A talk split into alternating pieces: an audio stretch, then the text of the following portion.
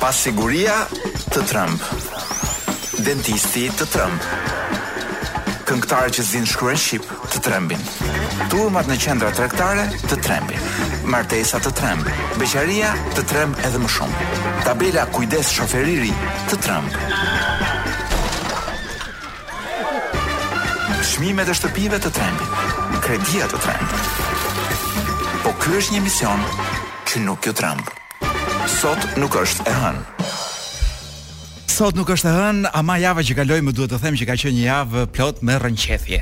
Një javë që të trembte, domethënë ngado që ktheheshe, daç nga ana sociale, kulturore, politike, diplomatike, kudo kishte një gjarpër gati për të të piskuar.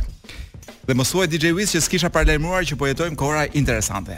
Më në fund qeveria vendosi, dhe ky ishte lajmi, do thosha unë kryelajmi e javës së kaluar, e, vendosi që përfundimisht të legalizojë hajdutllëqet nëpër Europë. Kushdo që ka vjedhur deri në 2 milion, Madje po u bë bashkë një bandë prej do themi gjashtë vetësh. Se unë kështu e kam imagjinuar DJ Wiz që kush do të vjedhë në Londër për shembull, i duhen duhen nja gjashtë veta, një që bën roje, një që fërshëllen, një që mban makinën me gaz, njëri që njeh shpinë, njëri që do kapi për fyti atë gruan e shpisë dhe tjetri që do bëjë kontrollin nëpër shpi. Pra gjithë ata njerëz që kanë vjedhur deri në 2 milionë euro, mund të bëhen bashkë gjashtë dhe të legalizojnë 12 milionë euro dhe ky është hapi më i fundit I një qeverie që kish vendosur të luftonte krimin. Domethënë, mbasi na terrorizuan për uh, ku di unë, për uh, edhe njerëz që mund kishin mund mos kishin paguar faturat elektrike, po themi 10 euro apo 20 euro, ja 100 euro, ja 1000 euro, domethënë po t'i uh, po t'i konvertojmë. Këta njerëz përfunduan burgjeve, u kalbën qelive, u përndoqën si kriminelë të mëdhenj, ama këta që kanë vjedhur deri në 2 milionë euro, këta janë të mirëpritur, ë uh, jo vetëm të mirëpritur, por shteti u heq kapelën edhe i quan investitorë.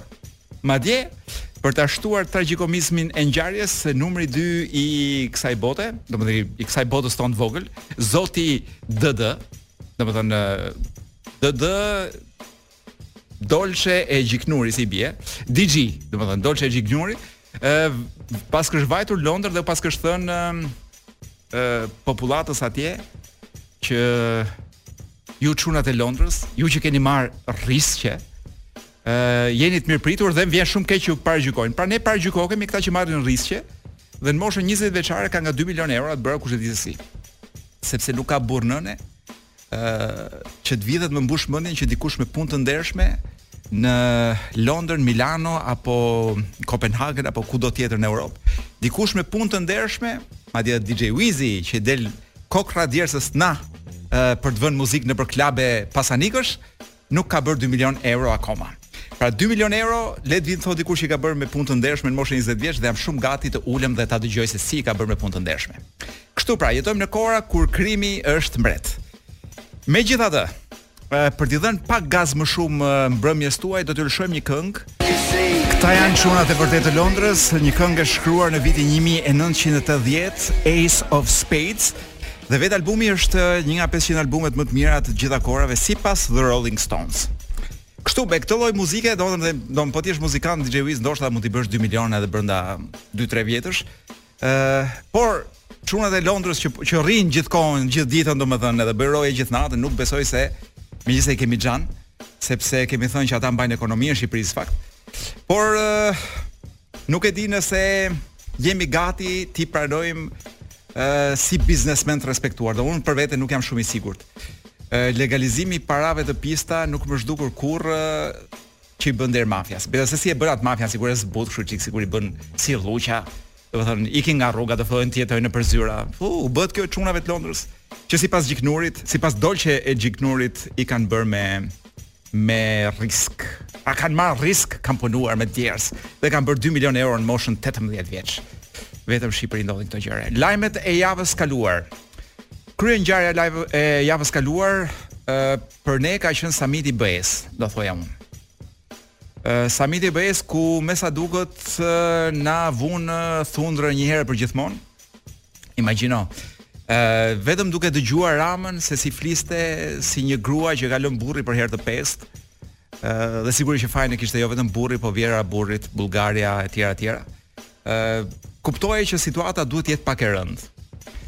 ë imagjino, ndër gjithë gjërat që ka thënë ë, kryeministri në lidhje me agjën tha edhe një frazë të tipit unë fitova mandatin e tretë dhe BE-ja ende nuk i ka hapur negociatat.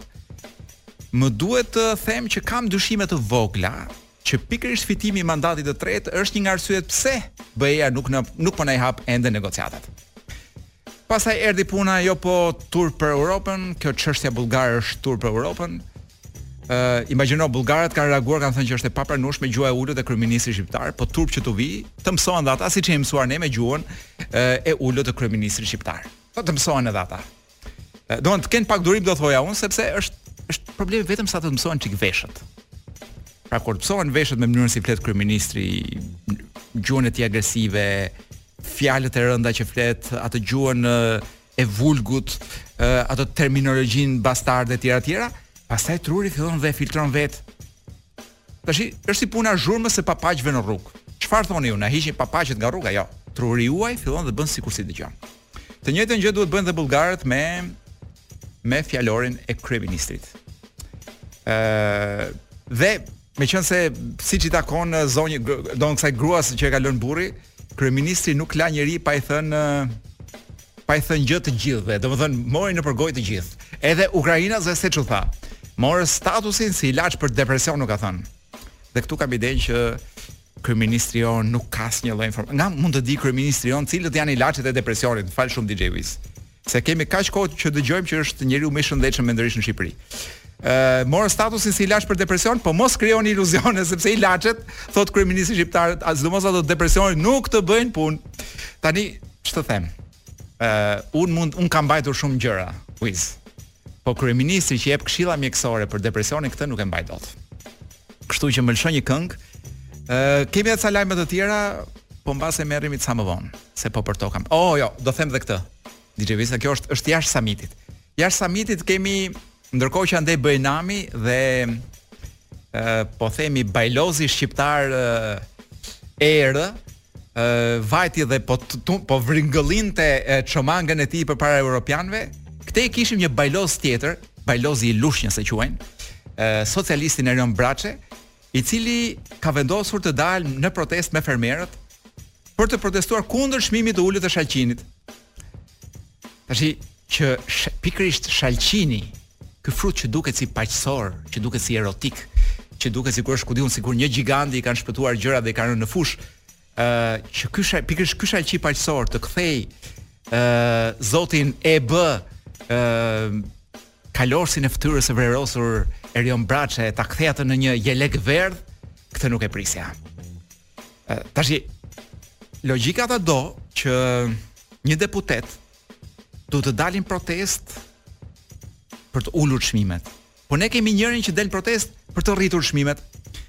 Ë dhe problemi këtu është që zoti Braçe nuk del dot në protestë për shembull për të subvencionuar fermerët se një, po, gjithë Europa ku ne edhe duam të futemi edhe po s'duan të na fusin. Ë gjithë Europa ka një, ka ca politika agrikulturore, të cilat thonë që në qoftë se ka bie me me çmim të ulët prodhimi i një i një produkti që është i rëndësishëm për industrinë e vendit, ë atëherë qeveria futet me subvencione dhe e mbulon ajo humbjen e tyre. Tani pse jelekverdhi Erion Braçe, ë ku të verdhë nuk ka vetëm jelekun, ë përse nuk del për të protestuar që qever, që qeveria ë të subvencionojë shalqinaxhinjtë. Pra fermerët e shalqinit. Këtë gjë nuk e kuptoj. Dhe është dhe tash me sa po kuptoj ky po po ndez një luftë veri jug. Pra në këtë rast është jug veri, Braçe që ngre jugun, gjithë fshatarët e Lushnjës për t'u urryer ne të Shqipërisë, po themi ne që jemi mbi mbi Shkumbin të cilët e hamë shalqinin me çmim të ulët. Dhe kështu fillojnë luftrat civile, Dhe pastaj shkon gjaku gjer në gju, siç thoshte Çufoja dhe Bubi Kaçurrel. Mirë, ca gjëra të tjera që kemi nga ngjarjet e javës kaluar do t'i lëmë për më vonë. By the way, këta ishin Red Hot Chili Peppers. Kjo këngë po lexoja për kuriozitet qenka një nga këngët që këta këndojnë më shumë nëpër koncerte, imagjino kanë kënduar që nga 2022-shi kur e kanë kompozuar, kanë kënduar nja 600, jo 700 e kusur herë. Dhe është një këngë që çuditërisht ka ë ka melodizitetin e tyre, melodiozitetin e tyre, po ka njëkohësisht një lloj agresiviteti që s'para e shoh. E kanë domethënë brenda, po ne preferojmë ato këngët e tyre që janë thjesht kështu si si të bukura. ë por harrojmë që ky si grup është edhe çik i egër dhe kjo këngë i ka të dyja, dhe egërsinë edhe melodinë brenda. Do të shkëputemi nga muzika për të vajtur tek ajo që është një muzikë për veshët e kryeministrit. Çfarë do thoni ju? Kryeministri më në fund po merr në dorë edhe të vetmen gjë që deri tash nuk e di se si ia kishin privuar. ë uh, dhe bëhet fjalë për uh, për dekoratat. Paskan bërë gati një projektligj i cili edhe gjënë e vetme që ka në dorë presidenti i Republikës, të japë dekorata, që me ç'kam dëgjuar janë të gjitha prej prej alumini, pra nuk kanë asnjë lloj vlere kështu si si lloj materiali. Ë dhe jam shumë i sigurt që mbas ca kohësh ata që për nipat e këtyre që i marrin do të tentojnë t'i shesin dhe nuk do nxjerrin dot asnjë gjë. Por prap ka një lloj vlere morale dhe e ka në dorë, e ka në diskrecion kur thuhet presidenti i Republikës, por edhe këtë kryeministri paska vendosur që ta marrë. Projektligji quhet për dekoratat në Republikën e Shqipërisë e paska nxjerrë për konsultim publik në faqen e konsultimeve publike, ku nuk ekziston, e kanë fshirë, nuk e di pse. Ë, por unë i besoj Reporter pikë al që ka raportuar për këtë projektligj. Dhe gjëja më e, e çuditshme është që argumenti pra në relacionin shoqërues të këtij propozimi thuhet që Qëllimi i këtij projektligji është rikthimi tek tradita shtetërore shqiptare e periudhës një mijë e nëntëqind e katërmbëdhjetë, një mijë e nëntëqind e dyzet e katër. Pra kjo periudhë, përveçse është periudha kur ne akoma nuk kishim shtet se po tentonim të ndërtonim një shtet, por është shumë kurioze se kjo periudhë është në pjesën më të madhe është monarki absolute. Pra kishim një mbret. Pra është një traditë shqiptare me mbret. Ë pjesën tjetër ishim në pushi, ishim në pushtimin nazifashist, kështu që nuk e di çfarë ka eksituar kryeministrin dhe ata që ë se me ç'kam dëgjuar unë DJ Wiz ndodh kështu. Kryeministri flet me veten në dhomë. Në në në zyrën e vet. Thjesht flet me vete. Janë disa njerëz që dëgjojnë nga mrapa derës dhe kapin gjysma fjalës. Duan të kuptojnë çfarë do ky. Sepse kryeministri do që ti ta bësh gati ligjin pa ta thënë ai. Pra ti duhet të dish se çfarë ka kryeministri në kokë dhe kjo është sfida e madhe atyre që e rrethojnë. Të kuptojnë se çfarë ka ai në kokë, çfarë ka mreti në kokë. Dhe kështu dikush e ka dëgjuar ndoshta edhe keq atë fjalën të folmën me vete të kryeministrit, mbase e kanë dëgjuar dhe mirë dhe kanë vendosur që t'i bëjnë atij dhuratë ë uh, një projektligj që praktikisht ia heq presidentit të drejtën për të dhënë uh, për të dhënë uh, dekorata dhe ia jep një institucioni që do quhet kancelari, një institucion të cilin e cakton gjej se kush. Ke tre mundësi DJ Wiz. Kush e cakton shefin e këtij institucioni të ri? Që do që do përcaktojë kush do marrë dekoratën. Mreti. vetë mreti. Pra, domethënë, është një institucion të cilin e, e ndërton dhe e emron kryeministri, i cili do i thotë presidentit na tash i firmosi çik këto dekoratat këtu ti. Tash për të qenë i sinqert, presidenti e kishte qelbur një çik me këto dekoratat. Kishte arritur pikën për shembull kur i kujtohej ndonjëri, a kam pasur një shok në klasë të tretë fillore sa bukur që këndonte ai morti në klasë ato këngët popullore qante. Si e kishte emrin, kujtohej presidenti si e kishte emrin, thonë, a të japim një dekorat për klasën e tretë fillore, domethënë. Jepi urdhrin e flamurit, se këndonte bukur. Por përveç këtij fakti, unë mendoj që nga ana institucionale, institucionale kjo është një turp që presidenti i vendit praktikisht po zhvishet, unë besoj që shumë shpejt do t'i marrin dhe zyrën ku është, që ta japin me PPP ta ndërtojnë. Po mund t'i marr, mund t'i heqin dhe makinën dhe të rojnë të eci, të eci me skuter elektrik. Nuk do ketë shofer ti si presidenti i Republikës. Uh, luks i madh për të. Edhe dekoratat luks i madh për të. Pastaj ca dekorata të reja që do shpiken, uh, se ç'kanë nxjerrë ca gjëra kështu komandar, Gjerdan i madh, yll i madh, oficer i madh. Ë uh, oficer dhe kalorës. Ku diu një tentativë për të ndërtuar mbretërinë. Është tentativë, tentativë që pak nga pak po bëhet realitet siç po e shohim. Jemi drejt një monarkie absolute shumë shpejt, me sa duket. Uh, se kështu ndërtohet monarkia. Domethënë, është njëri që nuk quhet mbret, por praktikisht uh, hipën në kal dhe nuk zbret më nga kali pa vdekur. Ë uh, do të shkëputemi nga ky hall i madh dhe do të shkojmë tek një këngë e cila përmbledh kemi këngë, kemi këngë. Ë uh, tentova të gjeja një këngë shqipe që të përmbledhte këtë dhëmbkën që kam brenda, këtë marazin që më është mbledhur, nuk e gjeta dot. Kështu që kërkova këtu afër në Itali është një këngë e Giorgio Gaberit, është shumë interesante. Është një këngë që thotë, "Unë nuk ndjehem italian", thotë. Dhe praktikisht ky qan pak a shumë nga këto hallet që kemi ne, vetëm se ne kemi nja 10 fish më të mëdha. Sot nuk është e hënë dhe un kam në dorë librin që do të lexojmë për sot, e filluam ta lexojmë javën që kaloi. Është libri i Pëllumb Kullës, Vdekja e Enver Hoxhës, roman botuar nga shtëpia botuese Arbëria. Ë në 2008 është botuar, është autori Pëllumb Kulla, Dhe për mua është një nga librat nga këto komeditë e zeza të shkruara nga më të bukurit që kemi në shqip. Dhe për të mos harruar që Pëllumb Kulla është një nga penat komike më të mira që kemi në në gjuhën shqipe, kështu që libri vetë është e, një miks ndërmjet humorit, dhimbjes, historisë të gjitha bashk. Uh, autori vet uh, në parathënien e librit thot vetëm titulli i librit, pra vdekja e Enver Hoxhës, vetëm titulli i librit mund të shkaktojë diskutime ngaqë ka gjithmonë më shumë zëra që thonë se Enver Hoxha nuk ka vdekur ende. Kështu pra ka libri vet është një roman, por ka disa romane brenda një brenda një romani sepse është është parë vdekja e Enver Hoxhës nga disa kënde. Në pjesën që do të lexoj sot është vazhdon të jetë Grimieri i kufomës së Enver Hoxhës dhe peripecitë e tij përpara se Shqipëria të merrte vesh që Enver Hoxha ka vdekur. Atëherë po lexoj. Njeriu ishte vërtet atje në dhomën time. E kishin sjell dhe ai po na priste. Ne e gjetëm në këmbë ngaqë siç dukej ai qe ngritur sapo dëgjoi zhurmën që bëri çelësi im tek hapja portën. Nuk na përshëndeti dhe as ne nuk e përshëndetëm. Rrinte si me gjëmba, mjaft i trëmbur, duke pritur një urdhër a një qortim nga Teloja, të cilit me sa vura re i trembej shumë. Kishte shtatin e atij, për cilin qe zgjedhur ta dublonte. Dhe sidomos i ngjante shumë jashtëzakonisht shumë. Dukej e gjitha si një situatë surreale dhe surreale e bënte edhe më shumë fakti që shëmbulltyra e tij ndodhej i vdekur disa metra më tej në dhomën përbri. Ndërsa ne te ky e shihnim përsëri të gjallë. Teloja kuptohet se ish mësuar dhe herë të tjera me këtë dyzim, kurse mua po më merrej mendja nga gjithë kjo situatë groteske. Absurdi qëndronte në atë se ky njeri, të cilin e kishim përpara, ngjante si ai. Kryekëput si ai, e megjithatë, shfaqte një dobësi që atij tjetrit nuk ia përfytyroja dot kurrsesi. Dridhej i tëri nga frika. Pa ia shqitur për asnjë grimëherë sytë njeriut që e pat thirrur aty. Teloja dukej i zemëruar, po e këqyrte me vrejtë kopjen e Enver Hoxhës nga koka te këmbët.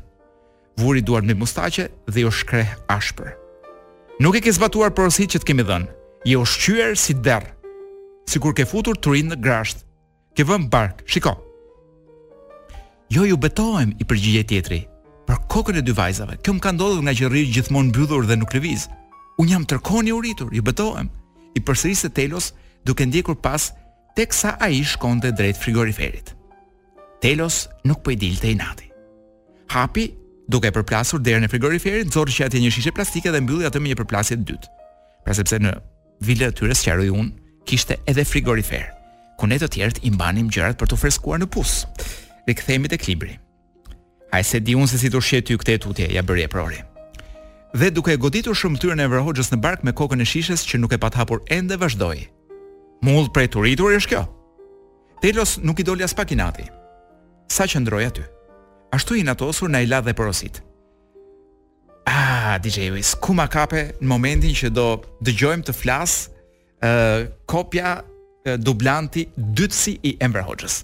Por sipas DJ Wizit kemi kemi pak muzikë përpara se të vijnë lajmet dhe kemi zgjedhur për ju një këngë që është e vjetër, një nga muzikalet më të njohura në botë, më duket se është te Grease, uh, You're the one that I want, por versioni në të cilin do e sjellim nga një francez më duket që quhet Lofang, Lofang, po ndoshta s'është francez, është nga versionet më interesante që i kanë bërë kësaj kënge, një nga mbulimet më të mira.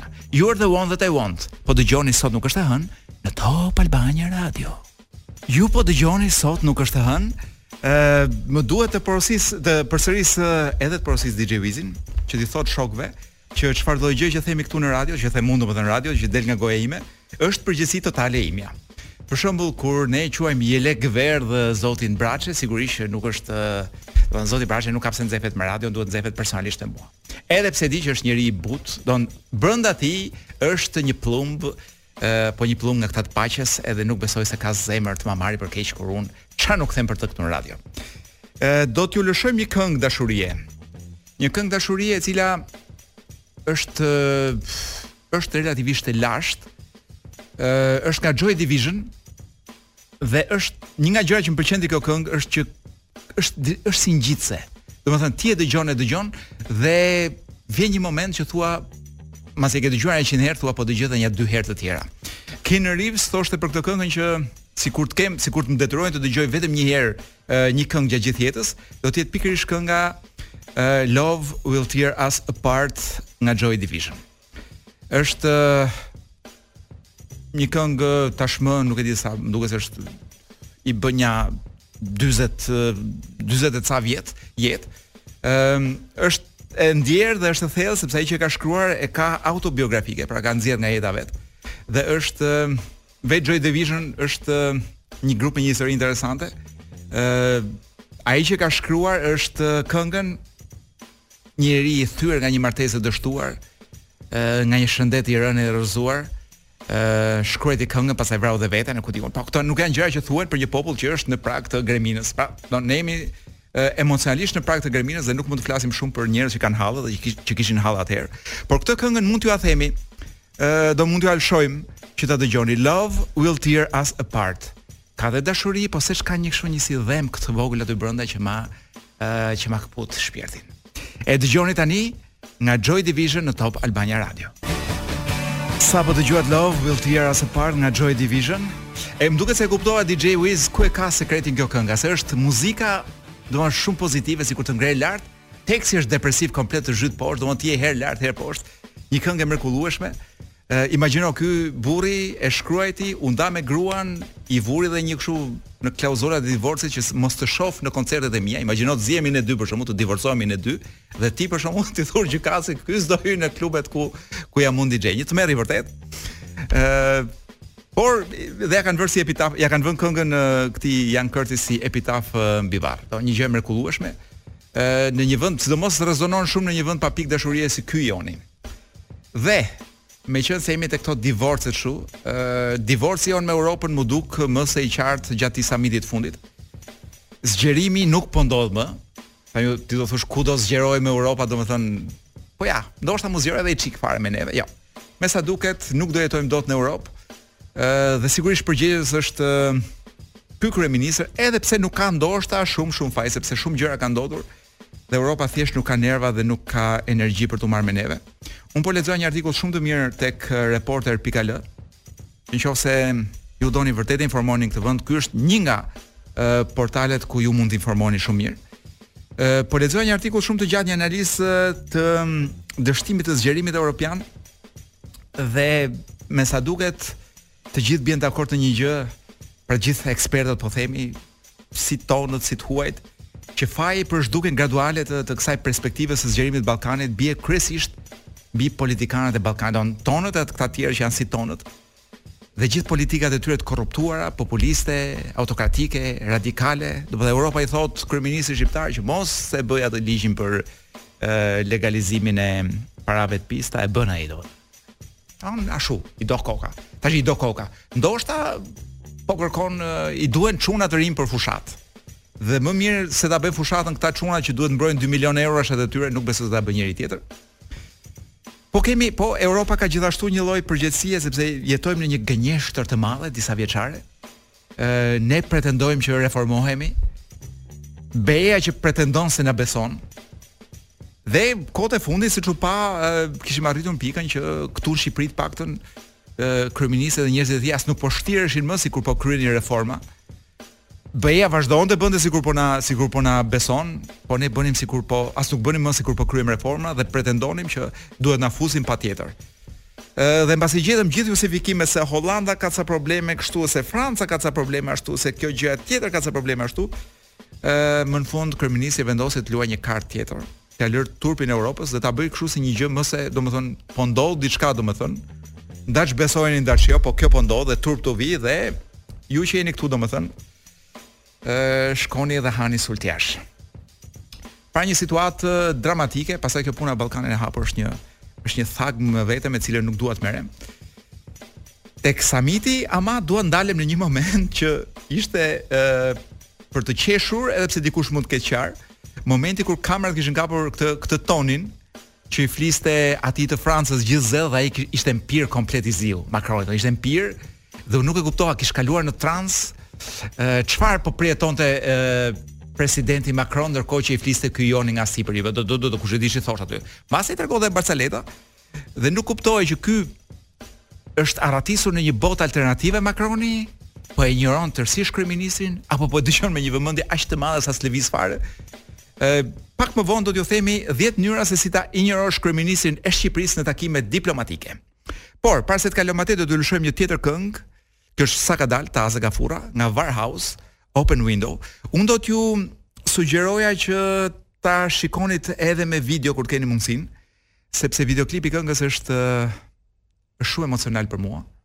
Dikush më ka vrarë DJ-in në një atentat. DJ, oh, aty që nga. Për një moment m'u zhduk nga sytë DJ Wizi, ose m'u zverdhën sytë mua. Thashë, çfarë ndodhi? Kush na bëri atentat në studio? Ë, uh, Warhaus me Open Window, një këngë që nuk është fare komerciale dhe unë pyes veten. Ky djali që e ka bërë këtë këngën, Pse e ka bërë? Domethënë se nuk më duket nga ato këngë që mund të shesin nëpër klabe gjëra, po po duket sikur është nga ato këngë që njeriu e bën, si me thënë për art. Kështu që edhe unë po edhe besoj edhe ka ca njerëz të tjerë në Tiranë, të cilët kur duan të shkëputen nga ky realiteti jonë banal dhe vulgar dhe ku di unë, çfarë bëjnë? Gjejnë një këngë kështu që është këngë si art, domethënë jashtë jashtë komercializmit dhe dhe struken dhe zhyten aty. Kjo është një nga ato këngët, Warhaus me Open Window. Shikojeni pak edhe në YouTube kur keni mundësinë. Ë me zë jua lëshojmë pikërisht tani. Ju po e dëgjoni besoj dhe shpresoj për herë të parë në hapësirën muzikore shqiptare në Top Albania Radio. Ky ishte Warhaus, them ishte ky sepse është një i vetëm, është belg. Ka dhe një emër Maarten eh, diçka, është eh, unë e njoh në fakt nga grupi tjetër që ka ky eh, Balthazar, një grup i jashtëzakonshëm. Mbas kësaj kënge më vjen pak siklet DJ Wiz të flas për kryeministrin shqiptar, kështu që e ke problem ta shtyj për pak më vonë atë që do thoja për kryeministrin. Dhe le të rrimë pak te muzika, dhe le të argëtohemi pak me muzikë. Ë kemi një këngë nga Italia, unë sa herë që vjen vera kam nja 2-3 këngë për shembull që gjithmonë i shoqëroj me ca vende. Dhe këtë bregun e Shqipërisë, ë po edhe pak të Greqisë, po edhe një çik andej nga Sicilia, në ato vende që kam qenë, i në përgjithësi i asocioj me 2-3 këngë dhe një nga këngët që më çon mendjen është pikërisht kjo kënga që do t'ju lëshojmë tani, nga Mango. Është kantautor italian, besoj një pjesë prej jush edhe mund ta njohë. ata që s'e njohin nuk kanë faj sepse është unë mendoj një nga më të nënvlerësuarit si muzikant në Itali. Është pak kështu ë uh, cheesy i thonë amerikanët, po se s'po më vjen fjala shqip. Po s'mund të themi, oh, është si biçim gjize ndoshta. Fjala gjizë mund të rrinte në shqip. Është pa, është pak kështu si si biçim gjize, po seç ka një gjë brenda ky Mangoja. Mediterraneo. Sot nuk është e hënë dhe jemi pikërisht në atë javën post coitus ku uh, patëm një penetrim të dhimbshëm nga ana e Europës, ë uh, BE-ja përfundimisht duket sikur na jo vetëm na la jashtë, nuk është puna vetëm që futën Ukrainën edhe Moldavinë sepse nuk besoj se ato do arrijnë ndonjëherë të futen sa të jemi ne gjallë në BE. Meqenëse janë vende po aq të degraduara sa dhe neve, po Seç patëm një shpresë të vogël që do na i hapin ca ato negociatat, do fillojë pak të rrjedhi investimi europian, do jemi çik në nën tutelë më të madhe europiane, diçka mund të rregullohet. Por me sa duket jemi komplet jashtë vëmendjes. Dhe siç po thoja gjëja, ana komike e gjithë gjësë ishte një një plan i kamerave ku kryeministri shqiptar dukej sikur i fliste Makronit dhe Makroni dukej sikur e injoronte. Kështu që ne shpikëm 10 mënyra se si mund ta injorosh kryeministrin e Shqipërisë në takime diplomatike. e para është të nxjerrësh telefonin dhe t'i tregosh një meme të Putinit nudo. Dhe pastaj t'i lësh telefonin në dorë dhe të zhdukesh. Tjetra, t'ja bësh me dorë njeriu të padukshëm në fund të korridorit, dhe t'i thuash më fal se do takoj atë. Edhe madje mund t'i vësh dhe një emër këtij njeriu të padukshëm, mund ta quash për shkakun diun. Uh, La Fontaine. Do takoj pak La Fontaine. Uh, mund të buzëqeshësh, mund të tundësh kokën dhe gjithë kohës gjithë kohës që kryeministri i Shqipërisë flet, ti të sjellësh në mendje partin e shfrenuar Për shembull, ku ti ke qenë në Kan dy javë më parë. Mënyra tjetër, t'i thuash e bëjmë këtë muhabet me stomak plot dhe të arratisesh nga godina me helikopterin më të parë. Mënyra tjetër për të injoruar kryeministrin e Shqipërisë në takime diplomatike. Hiqu sikur je duke i zënë, sikur je i zënë, duke pastruar njollën e padukshme te mënga e këmishës. Madje po të duash njollës së padukshme mund t'i vësh dhe emrin La Fontaine. Mund të tundësh kokën duke duke thënë gjithë kohën po jo dhe bukur, por dhe mund të flasësh bullgarisht, që është një nga mënyrat më të mira për të injoruar kryeministrin, sepse aq më tepër që kryeministri shqiptar ë preferon të flasë vetëm në këto gjuhë të mëdha të Evropës dhe i injoron gjuhë gjuhët e vogla të Evropës, sepse vetë është një staturë e lartë.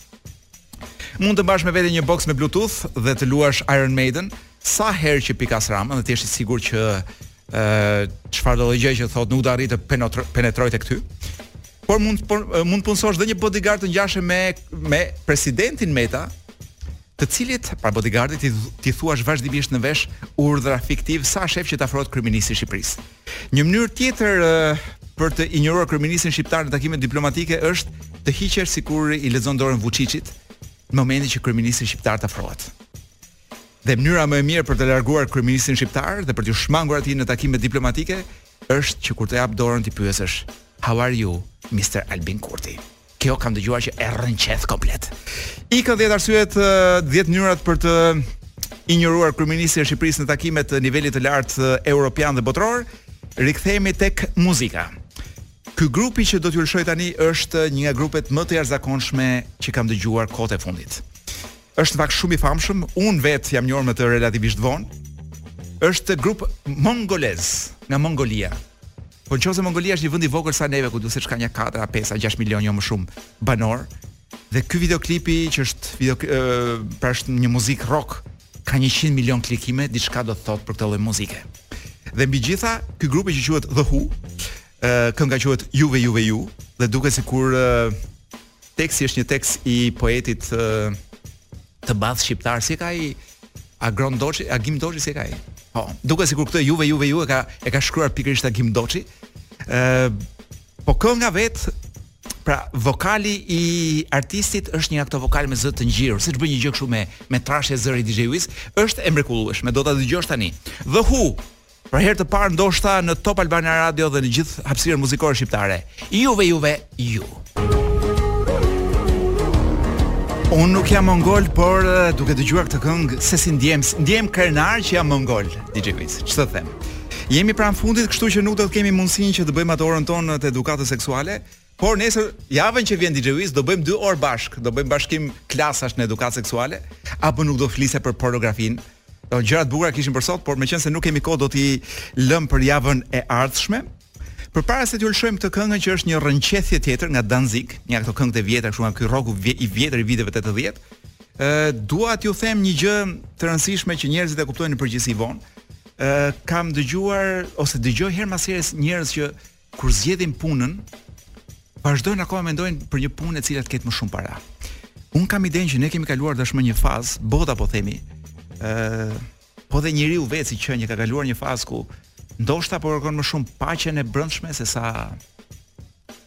domethënë puna kërkohet një punë që do të japë një paqe të brendshme dhe jo do nuk është më paraja çelësi i suksesit. Por këtë gjë duhet t'ia thoni Damian uh, si quhet, jo, më fal, uh, Dolce e Gjiknurit, i cili uh, është një nga patriotët më të mëdhenj të Londrës, uh, pasi ka vendosur që t'i respektojë çunat e Londrës duke u duke u uh, legalizuar të gjithë dy milionshat e eurove e paundëve që kanë në xhep. Sepse ke parasysh që kur të ngelet një 2 milion paundësh në xhep, ku ta çosh? Të thotë Dolce e Gjiknuri, ë uh, hajde investoji në Shqipëri. Dhe Shqipëria nuk të mban taksa fare. Domthon t'i të kthen pothuajse të gjitha. Se kupton qoftë se shteti shqiptar do mbante gjysmën, Deri këtu them hajt mo do bëjmë një sakrifus, sakrificë të mbushim arkën e shtetit. Mother Danzig. Po e dëgjoni tani në Top Albania Radio së bashku ridëgjohemi mbas një jave në të njëjtën studio në të njëjtat valë.